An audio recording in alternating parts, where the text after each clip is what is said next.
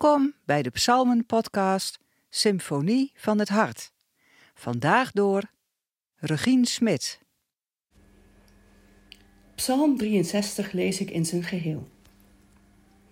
Een psalm van David toen hij in de woestijn van Juda was. God, u bent mijn God, u zoek ik. Naar u smacht mijn ziel. Naar u hunkert mijn lichaam, in een dor en dorstig land zonder water. In het heiligdom heb ik u gezien, uw macht en majesteit aanschouwd. Uw liefde is meer dan het leven. Mijn lippen zingen uw lof. U wil ik prijzen, mijn leven lang, roepend uw naam, de handen geheven. Dan wordt mijn ziel verzadigd met uw overvloed. Jubel ligt op mijn lippen, mijn mond zal u loven. Liggend op mijn bed denk ik aan u. Wakend in de nacht prevel ik uw naam. U bent altijd mijn hulp geweest. Ik juich in de schaduw van uw vleugels. Ik ben aan u gehecht met heel mijn ziel. Uw rechterhand houdt mij vast. Laat verzinken in de diepte der aarde wie mij naar het leven staan.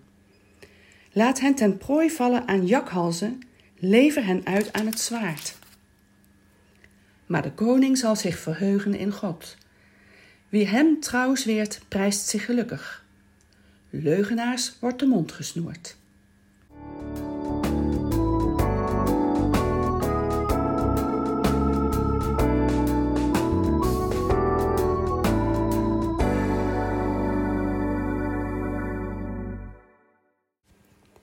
Ik kan het niet helpen. Bij het lezen van deze psalm moet ik denken aan de Oekraïners in het buitenland die zeggen: Ik kan hier niet blijven. Ik moet terug naar mijn land om het te verdedigen. Veel van hen keren op dit moment uit een redelijk veilig leven vrijwillig terug om te vechten tegen het Russische leger. Ze weten dat er een reële kans is om daar te sneuvelen. Er is kennelijk een liefde, een diepe loyaliteit, een innerlijke drijfveer die groter is dan de neiging tot zelfbehoud en veiligheid. In de psalm van David van vandaag is er geen gehulpgeroep naar God om hem uit zijn situatie te verlossen. Ook al is het leven in de woestijn dor en droog en ervaart hij een diep verlangen naar God. De beeldspraak is gelijk aan die van Psalm 42 van de Korachiet. Maar de toon is anders, volstrekt niet depressief. David mist God, maar niet als iemand die God niet kent. Hoe de vervulling van dat verlangen voelt, staat nog heel vers in het geheugen van David gegrift. David, een gerijpte man Gods, weet wat het is om zo'n diep geluk te ervaren in de nabijheid van God. In de meest intieme momenten van zijn leven, heel persoonlijk, in de nacht op bed, herinnert hij zich die eenheid met God. Zo'n moment dat alles klopt, dat niets ter wereld kan tippen aan wat hij dan voelt. En dan fluistert hij Gods naam voor zich uit. Uw liefde is meer dan het leven. Davids verlangen naar die liefde is groter dan zijn behoefte om het leven te behouden. Hij is ouder geworden, de betrekkelijkheid van al dat najagen van bezit en land en de eigen positie gaan zien. Hoe het leven verloopt voor hem maakt niet meer uit. Zelfs de dood schrikt niet meer af. Zo klampt hij zich aan God vast. De geloofstaal van deze psalm laat zien dat er naast de breuken ook echt een continuïteit is tussen het Oude en het Nieuwe Testament. De woorden van David zijn niet anders dan die van Paulus als deze schrijft: Mijn leven is Christus en het sterven gewin. Zoals Paulus verlangt om verenigd te zijn met Christus, zo verlangt David naar God.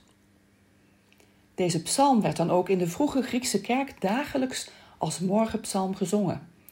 En in de Armeense kerk behoort ze nog steeds tot de liturgie van de communieviering. Wie niet zo geloofszeker is of ten prooi aan twijfel, kan misschien juist vervreemding voelen bij deze zo intieme geloofstaal. Maar in het Hebreeuwse woord vastklampen zit een schat verborgen. Het is hetzelfde woord dat beschrijft hoe de Moabitische Rut zich vastklampt aan Naomi en zegt: Jouw land is mijn land en jouw God is mijn God. Rut kende Yahweh, de God van Israël, niet. Maar zij had het geloof van Naomi gezien. Zij was van Naomi gaan houden. En zij had daarin, ondanks alle verdriet en verlies, iets gezien wat haar krachtig naar een leven vol hoop trok.